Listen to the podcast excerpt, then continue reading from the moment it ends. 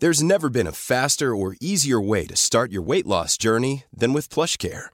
PlushCare accepts most insurance plans and gives you online access to board-certified physicians who can prescribe FDA-approved weight loss medications like Wegovy and Zepbound for those who qualify. Take charge of your health and speak with a board-certified physician about a weight loss plan that's right for you. Get started today at plushcare.com slash weight loss. That's plushcare.com slash weight loss. plushcare.com slash weight loss. Hej kära lyssnare, det här är Sabia. Snart ska ni få höra ett avsnitt som vi har eh, förinspelat åt er. Jag har ju fött min bebis nu och är lite ledig från podden. Men vi är väl förberedda med ett gäng avsnitt åt er framöver. Jag ville bara hoppa in och säga en grej. Och det är om vår kurs, hypnokurs.se. Som ju är en förlossningsförberedande kurs inspirerad av hypnobirthing bland annat. Som jag om möjligt uppskattar ännu mer nu när jag precis har fött mitt tredje barn. Men mer om det sen. Det jag vill säga är bara att vi återigen har erbjuder eh, presentkort. Så ni som vill ge bort kursen i julklapp kan göra det på ett enkelt sätt. Ni hittar all info på hypnokurs.se alltså. Jag påminner även om att friskvårdsbidraget gäller och vi finns på både e-passi och Wellnet. Okej, okay, nu kommer avslutet.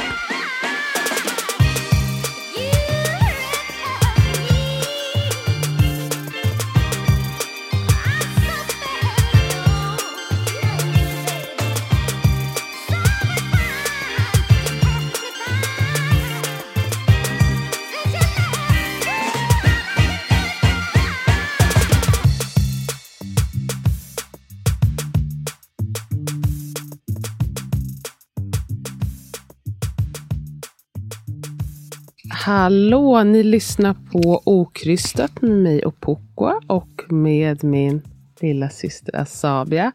Och idag har vi med oss en supersärskild gäst, Jeanette, som pratar engelska för att hon är från Kanada. Så avsnittet idag kommer vara på engelska.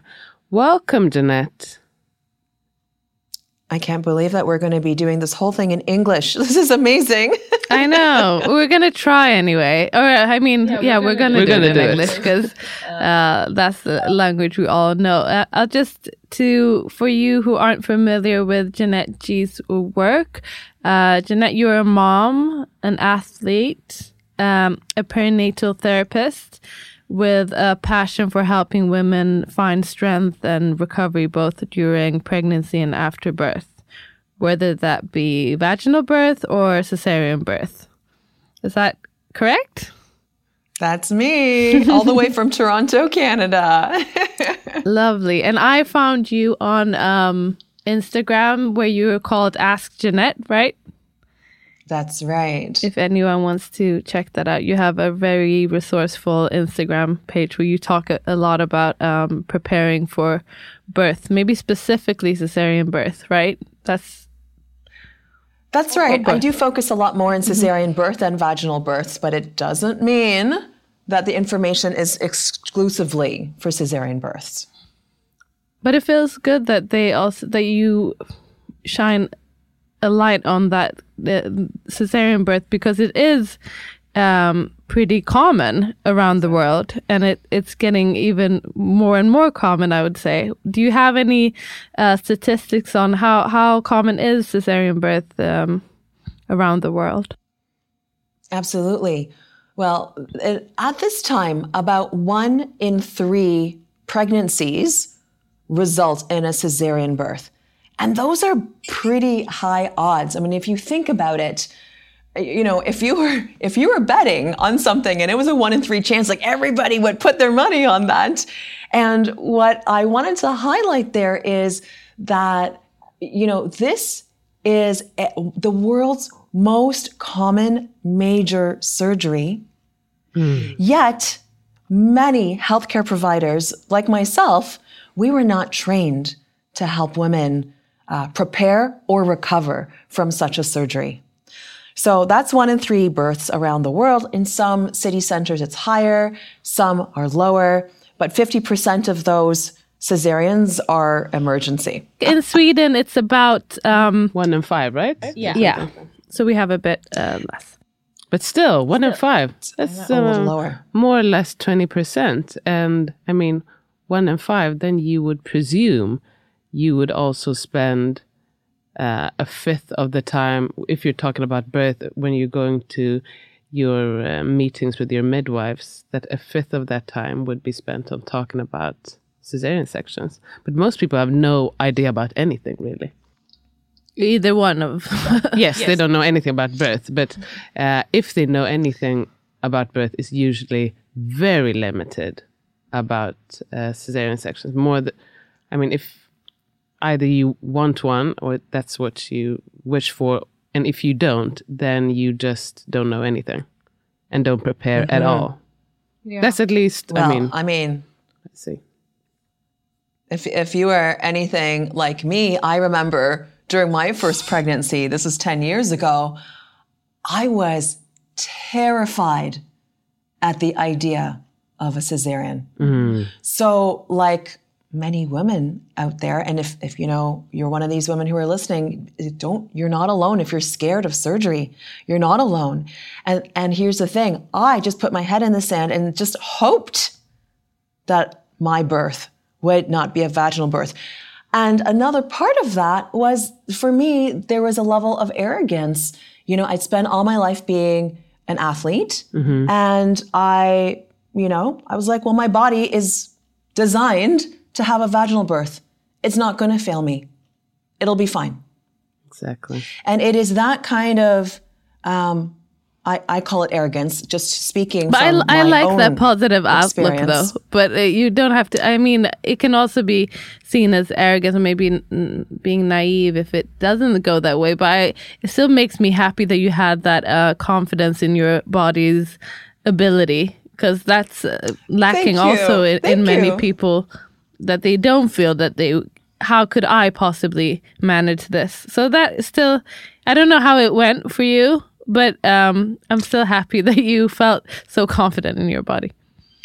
What was Well, thank the you for outcome then? reframing that. That's good. Okay, I'm going to say not arrogance anymore. I'm going to say confident, but overly confident maybe because I was like, my body can do this. It's never let me down. It's fine.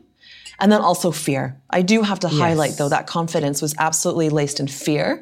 Um, and therefore, I mean, I'm a perinatal therapist. I help women recover from vaginal and cesarean births. And I myself, I was like, I'm not even gonna I'm not going to ask my hospital about the, you know, the birthing or the surgical theater. I don't want a tour of it. I don't want to talk about it. I don't want to know anything about it. I'm going to birth vaginally. And that, and that was that. Mm-hmm. Mm-hmm. And this is the kind of headspace that I know many women are in. And for all your listeners, if this is you, I just want to say bring kindness to yourself. I think this, you know, having fear surrounding birth, birth is arguably the biggest sports injury you will ever experience. And if you think of it as a sports injury, then the positive spin on that is that you will understand that it requires intentional recovery to get back to pain free, active, strong, confident living. And can you, um, did you have a cesarean birth? Can I ask? Or was it vaginal? I didn't. I didn't. Thank you for asking. So both births ended up being vaginal births.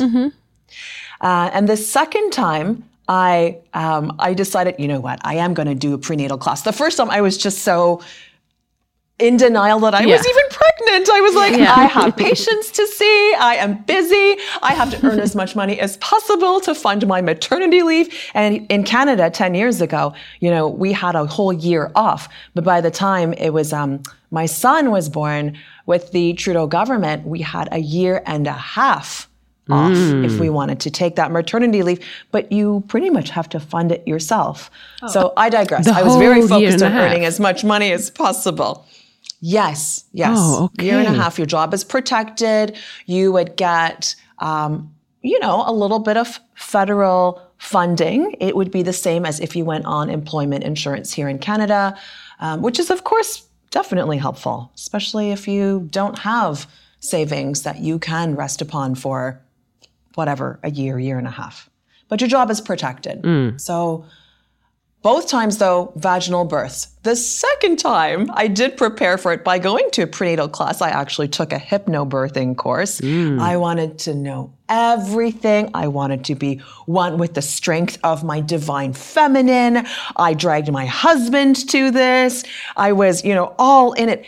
And, um, you know, I'm sure a lot of women too who are listening, they're like, oh, I prepared, I practiced, I breathed, I did all the prenatal exercises. And then when the birthing actually happened, it's like everything just goes out the window. You're like, oh my goodness, what is happening to me?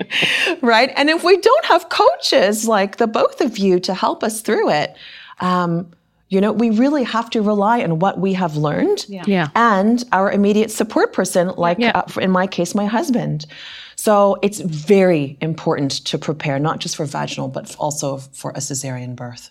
Yeah. So so what would you say um I mean for if someone knows that they are they will be having a cesarean birth um is that would you say that's especially important to prepare for that or for everyone if for birth in general you should always prepare for both uh vaginal and cesarean or what what would you say This is a great question. So, in my opinion, it would be the second option, meaning I think every pregnant person ideally would be prepared for both types of birth.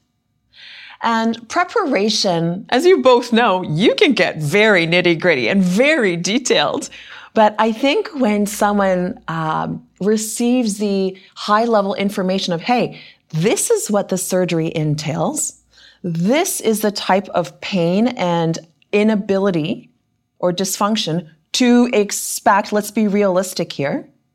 Here are the things that you really want to have in place in your house ahead of time. You know, here are, here is the first whatever, one or two exercises to do starting day one after surgery that will make a massive difference in your recovery. Hmm. These are things that we can prepare for. yeah Definitely. Right? And we're going to get into all of that. You're going to give us your best tips and tricks. Yes, absolutely. First off, I want to ask. I think, um, including myself, I, don't, uh, I think a lot of our listeners are wondering what does a perinatal therapist? What what is that? Um, what do you do? I don't know if we have that exact profession so. in Swedish, or I don't know the Swedish word for it anyway. So please just tell me what that is. Well, here's the big secret, Asabia and Apukwa. Perinatal therapy is not an official designation. Okay. It's not a protected title any more than, let's say, doula is in Canada. Anyways, it's not a protected title. As doula would mean, same with well, you know perinatal therapist. It's someone who supports uh, someone who is going through their pregnancy and postpartum journey in any way, shape, or form. And for me, I utilize the term perinatal therapist so someone who is pregnant will understand okay, Janette is a therapist, meaning, okay, she's going to deliver some kind of manual therapy and she's probably going to be able to give me some kind of rehabilitation exercise program. In real life, I mean, we're going to get a little philosophical here. The average healthcare consumer doesn't really know the difference between you know, physiotherapist, massage therapist, chiropractor, osteopath, and all these things, while those are professional designations, the average person really doesn't know who to see for what anyway. So I personally have chosen the term perinatal therapist, and it is becoming a more common um, title that individuals give themselves because then it helps healthcare consumers understand okay this is whom i might see because i am in the pregnancy slash postpartum um, need right now whether i'm in pain because of pregnancy or postpartum i want to recover from my diastasis you know something specific to pregnancy and postpartum What is your background? I mean, did you start as a physiotherapist and then went over to calling yourself a perinatal therapist, or how did it start? So my background is I'm an athletic therapist. So that is my hmm. professional designation. And uh, a few years after attaining my athletic therapy designation, working with elite athletes, you know, taking them from the moment of injury, rehabilitating them all the way back to elite sport performance, whatever the sport, Then I also obtained my um, massage therapy designation. Okay. So, you know, when we, you ask a very good question because everyone's listening is like, oh, so Janette's an athletic therapist. What the heck does that have to do with pregnancy and postpartum? and here's the thing. Here's the thing. So I worked with many elite uh, sports and elite athletes, and my primary sport was women's rugby. And mm. back in the early 2000s, and certainly still now, Canadian women's rugby was an international powerhouse. You will have, you'll never have met such powerful and strong and confident and able bodied women in so many different shapes and sizes.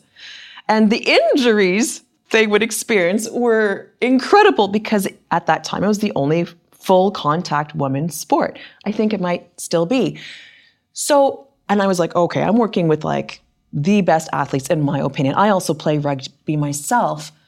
But when those athletes quit the sport and they started families, they would start, you know, asking me, their trusted athletic therapist, Janette, so I'm pregnant. Can I still lift 300 pounds in the gym? Can I still deadlift 300 pounds? And I'd be, I don't know. I don't know. Because we go back to my schooling and there was no mention of that. Mm-hmm.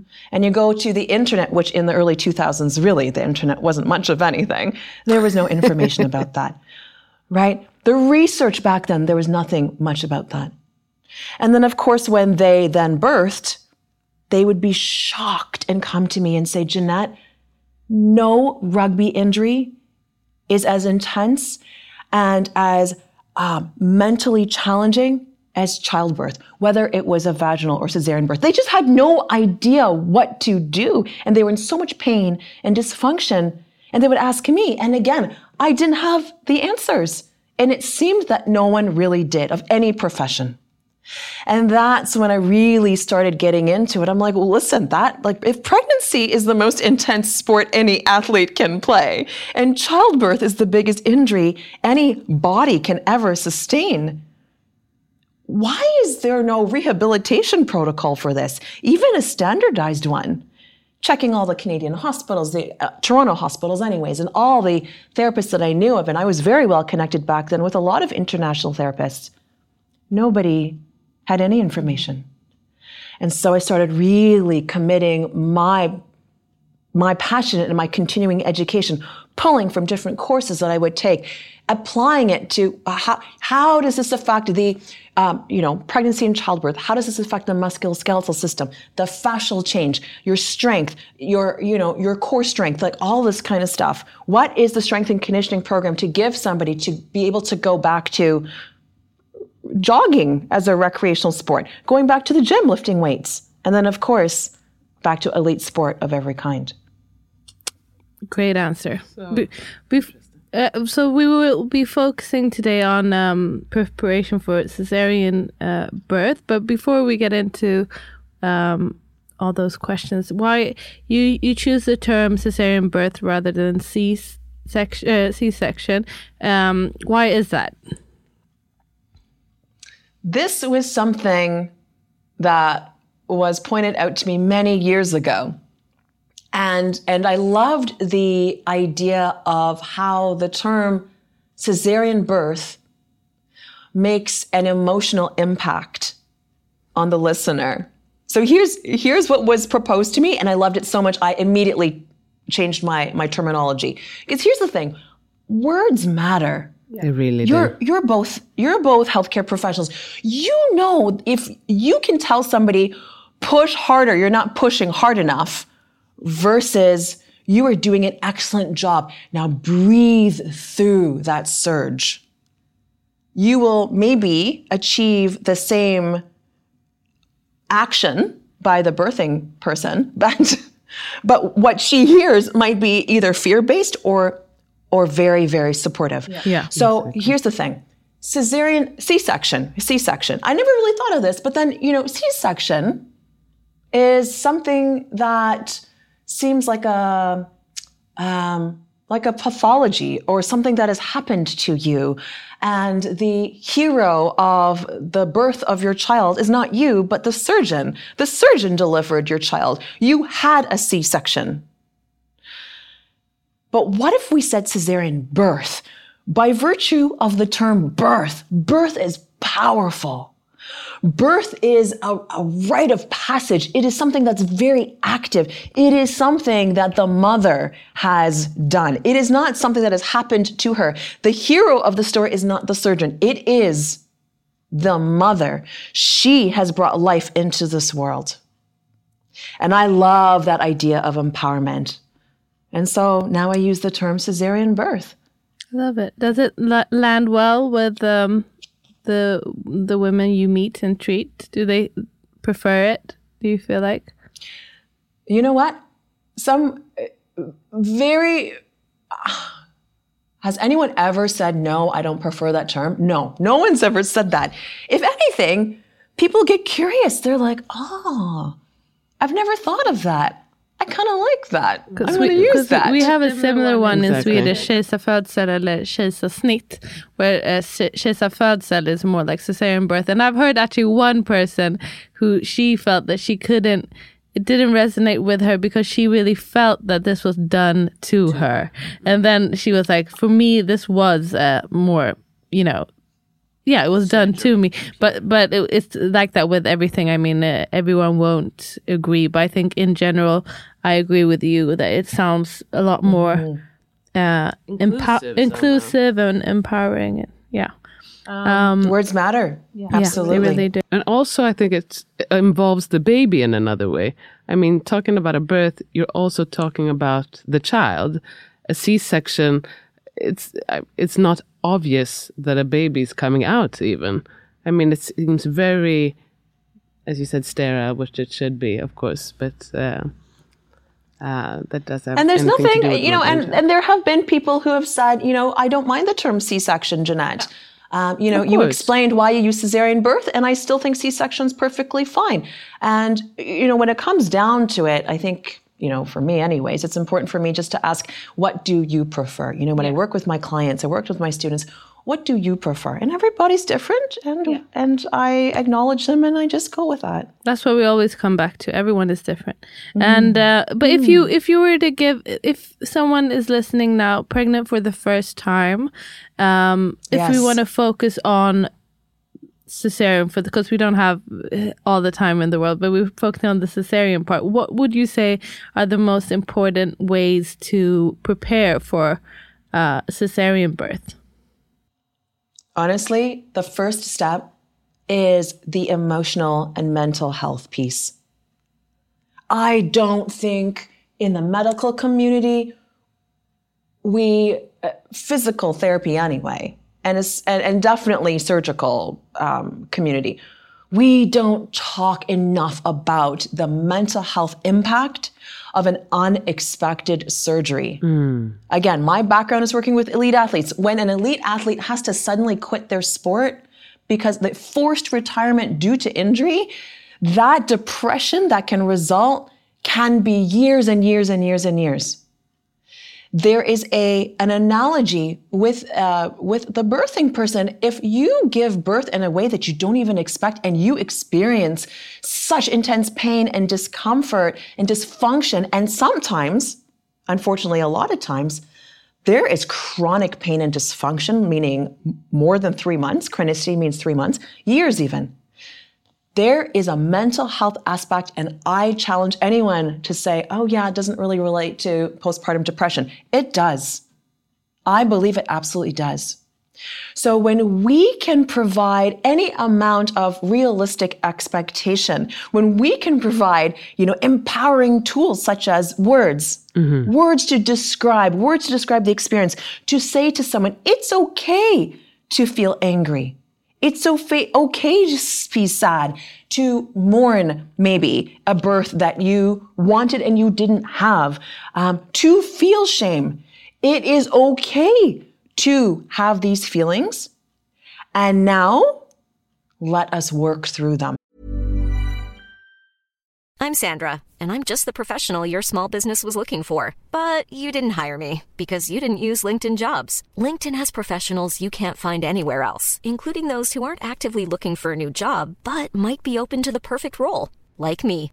In a given month, over 70% of LinkedIn users don't visit other leading job sites. So if you're not looking on LinkedIn, you'll miss out on great candidates like Sandra. Start hiring professionals like a professional. Post your free job on linkedin.com/spoken slash spoken today. Many of us have those stubborn pounds that seem impossible to lose, no matter how good we eat or how hard we work out. My solution is PlushCare. PlushCare is a leading telehealth provider with doctors who are there for you day and night to partner with you in your weight loss journey. They can prescribe FDA-approved weight loss medications like Wegovy and Zepbound for those who qualify. Plus, they accept most insurance plans. To get started, visit plushcare.com slash weight loss. That's plushcare.com slash weight loss. For so many pregnant women, we just don't know. We just, we just, we just hide it. We just hold it all in. We hold it inside and we just try to push through. And we go, well, there's a newborn who needs me. I'll get to me later. Um, so, so that mental health part is massive. So one actionable tip that I would say is get your mental health support network uh, in advance. Whether you have a vaginal or a cesarean birth, especially if you're a first time mom, listen, my friends, you won't even know what's hit you. you can expect, you don't even know.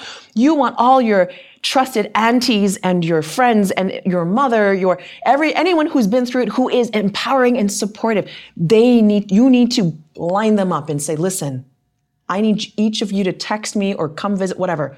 Every day I need someone. Someone needs to check in on me. Mental health wise, how are you doing, Asabia? How are you doing? Can I bring something over for you? You know, that's the support, that's the mental health support.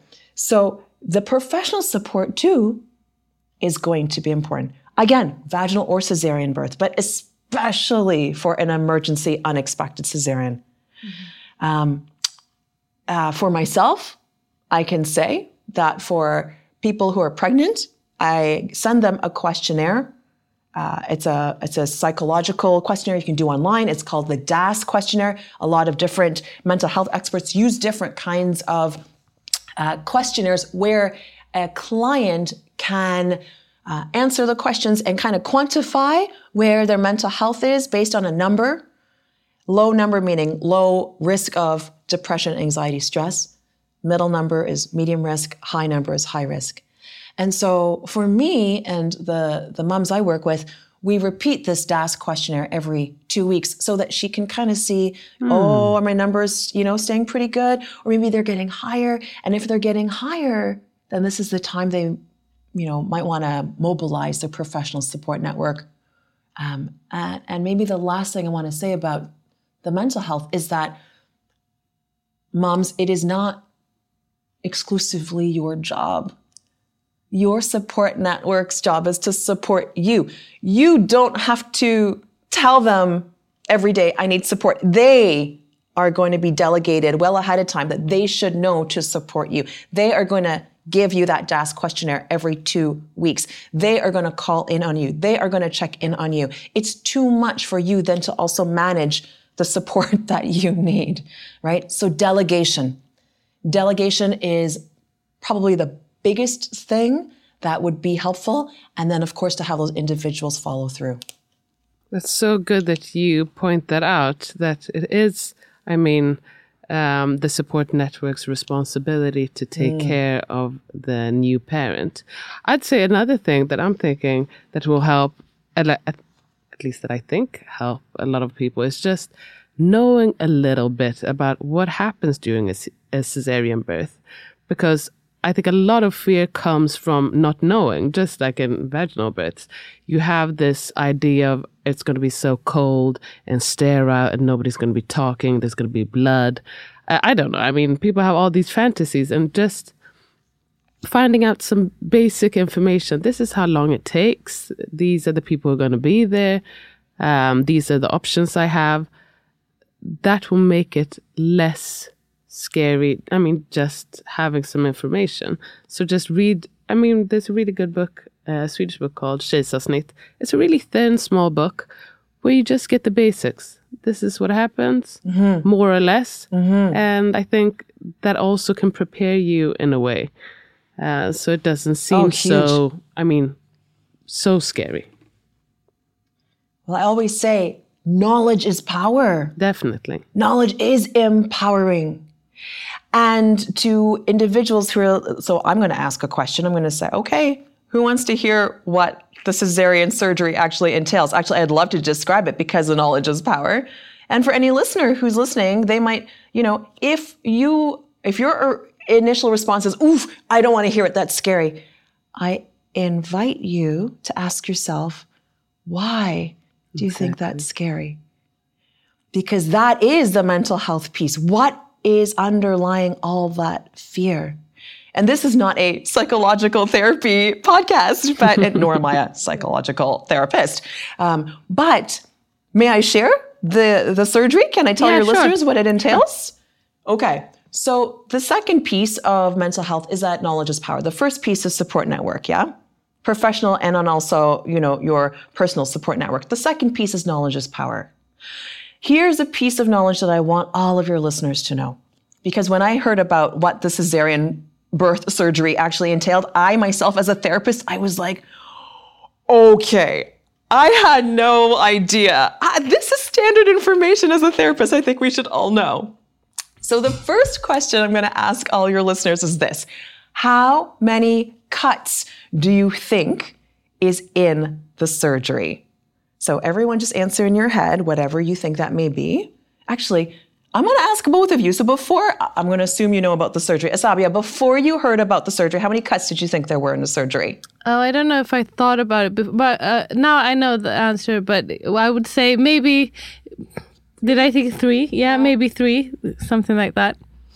Yeah. Apokwa, you would have said three. Yeah, I think so. I'm thinking like, if uh, I think what a body looks, I would be like, okay, maybe through the skin, then some fat, and then through the uterus.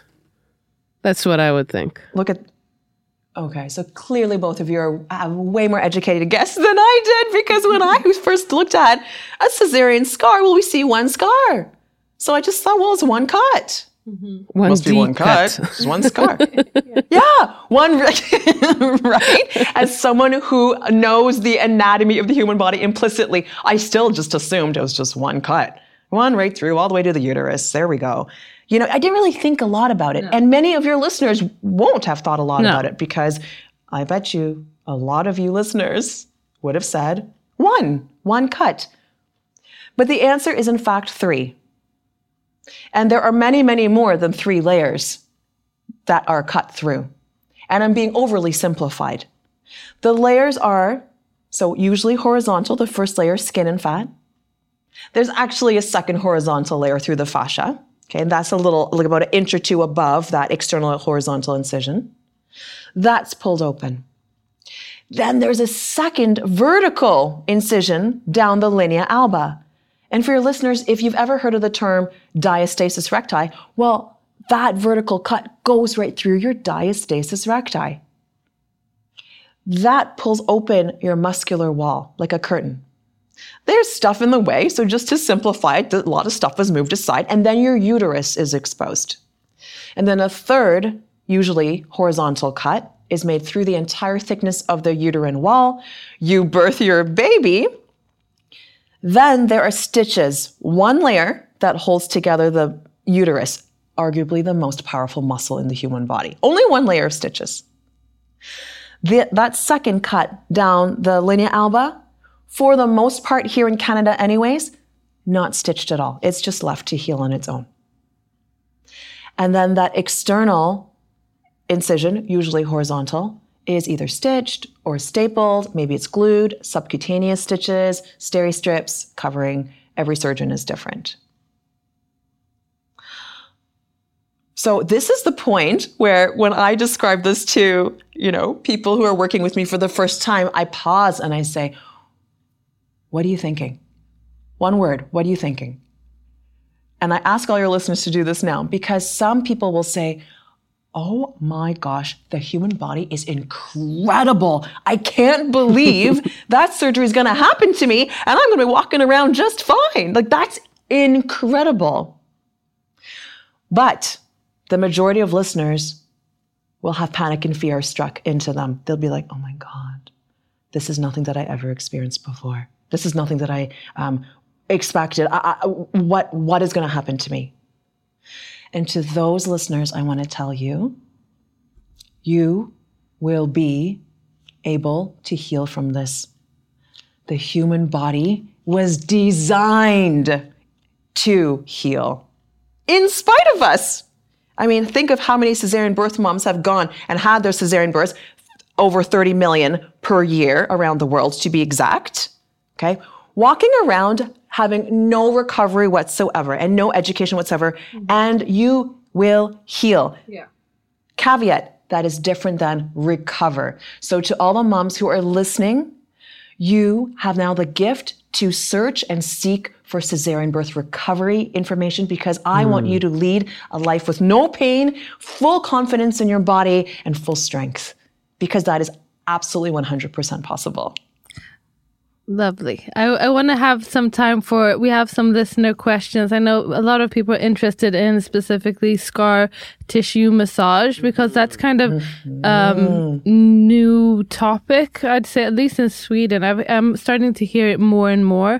And I think you're the one that introduced it to me, actually. Um, and I learned a lot from you. It's nothing that I learned in midwifery school or anything, but now we're talking about it more.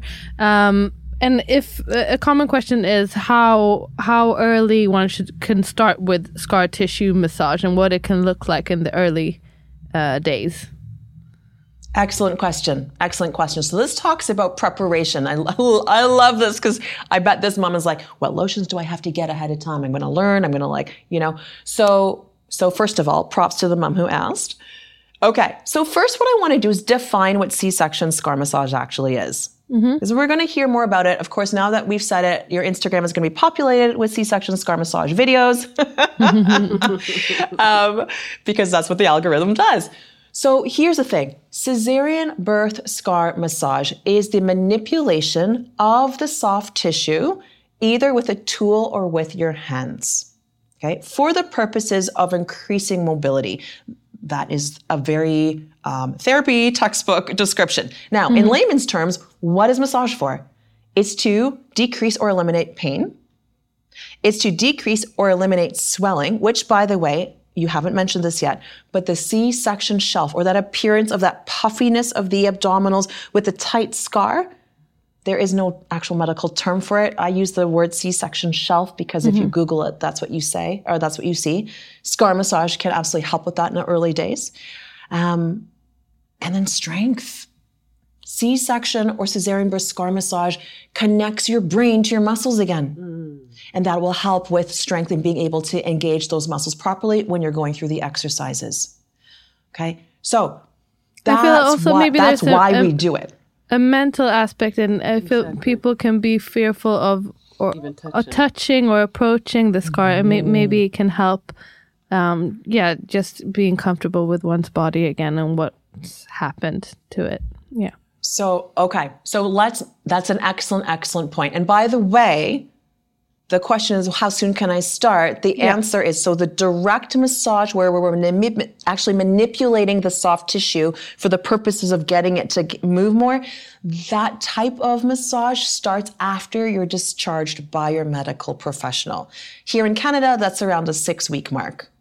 We just want to make sure there's no infections. We want to make sure the scar has closed completely.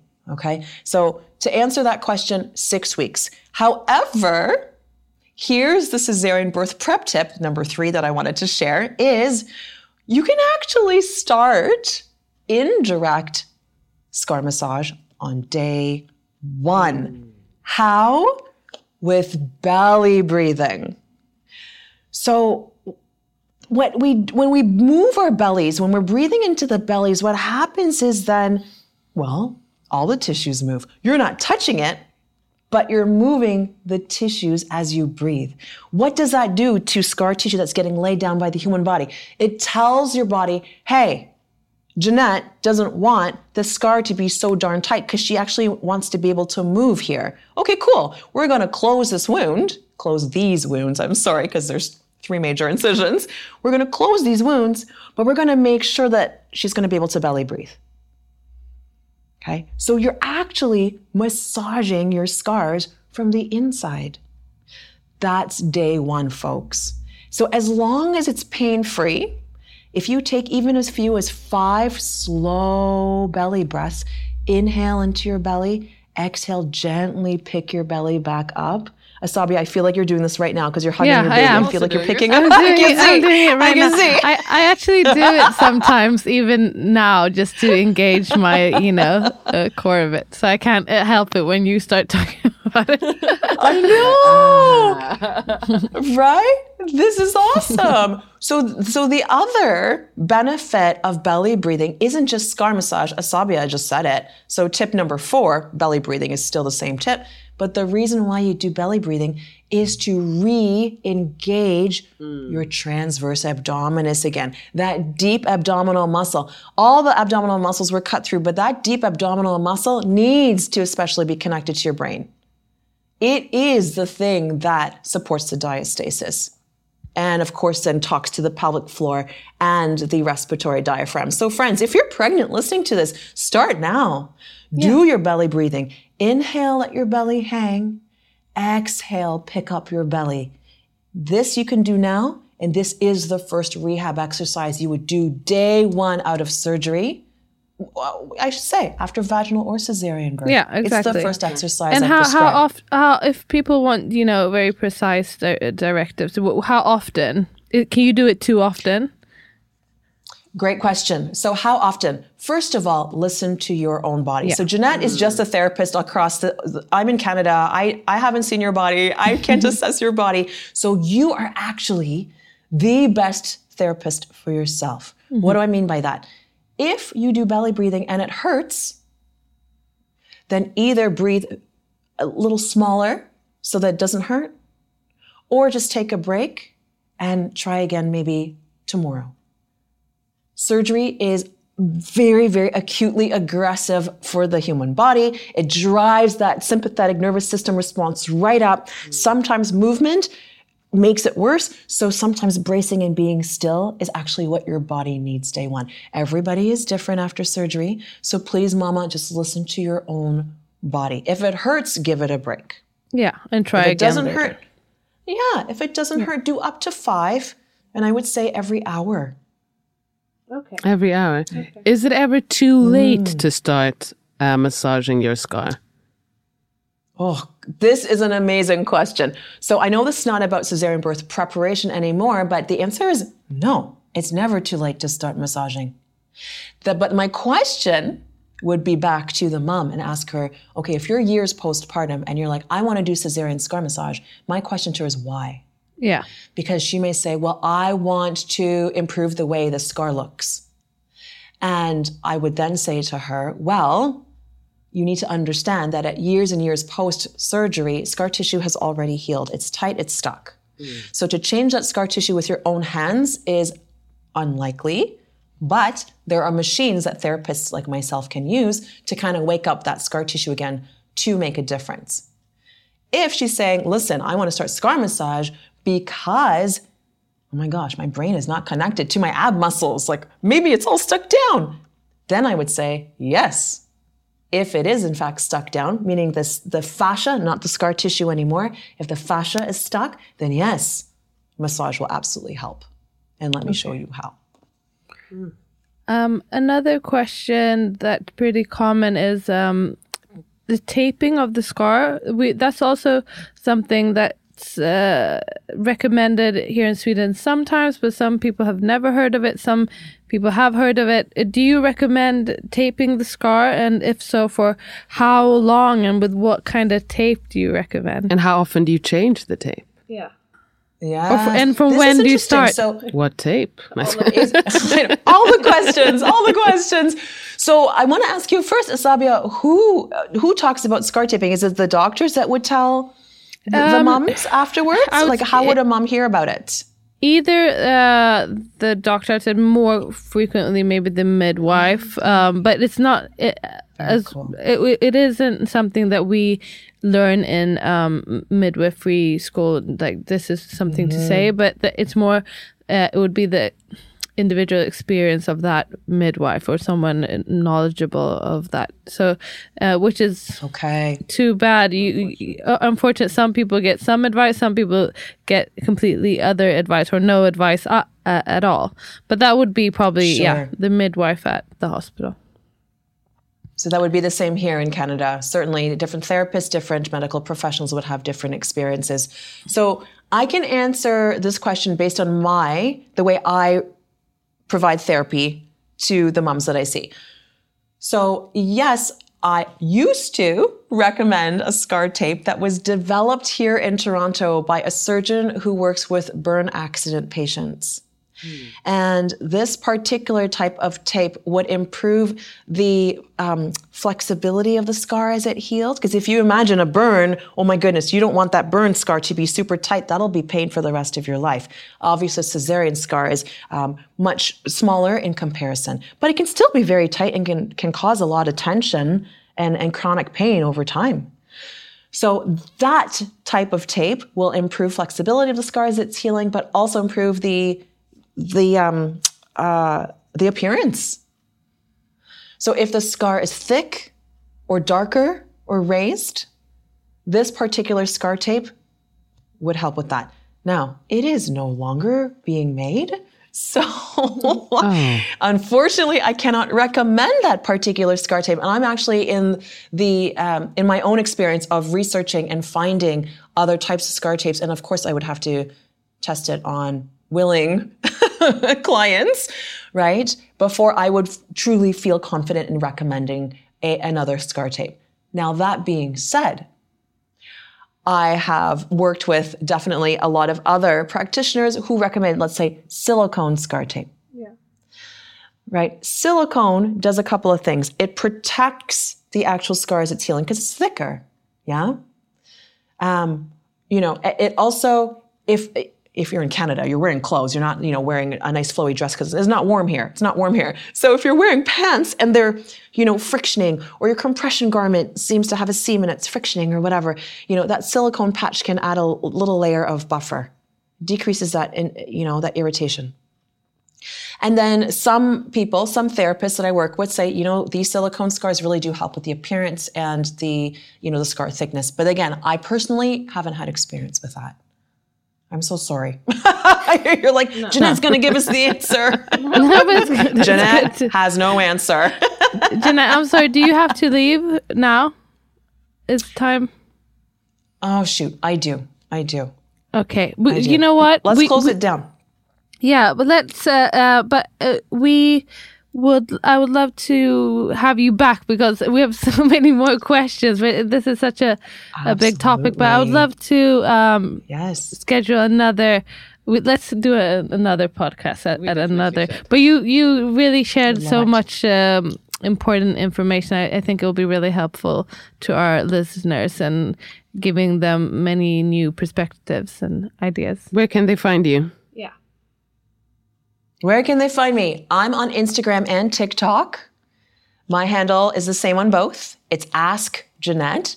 Janette is spelled J A N E T T E.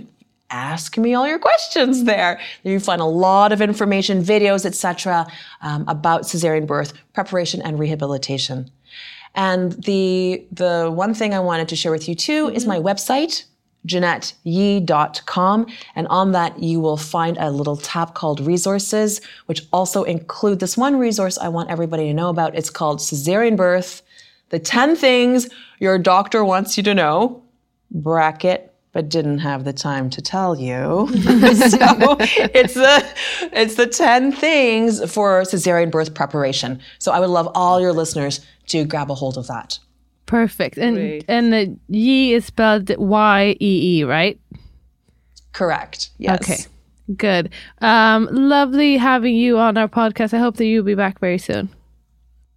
Take Oh my care. goodness, thank you so very much. Thank Time you so flies much. when you have fun, right? It really does. Okay, thank you guys for listening. Tack att ni lyssnade. Janette kommer tillbaka vid ett annat tillfälle. Puss och kram. Puss och kram.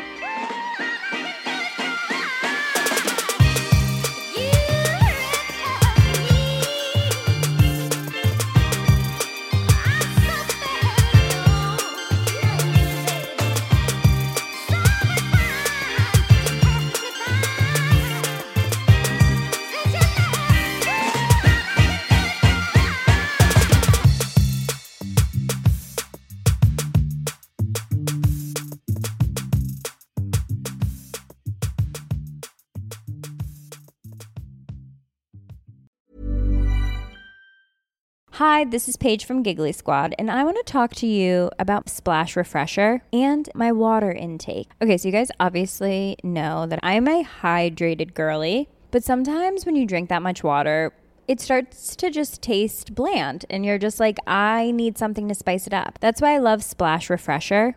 It has zero sugar, zero calories, and it's a splash of sweetness. And they come in five different flavors. They're so good. Wild berry, acai grape, pineapple mango, lemon, and mandarin orange. My favorite is the wild berry because I just I just love a berry. So if you're like me and you're drinking water all day, then try Splash Refresher. It's going to absolutely change your water game and it's good for you.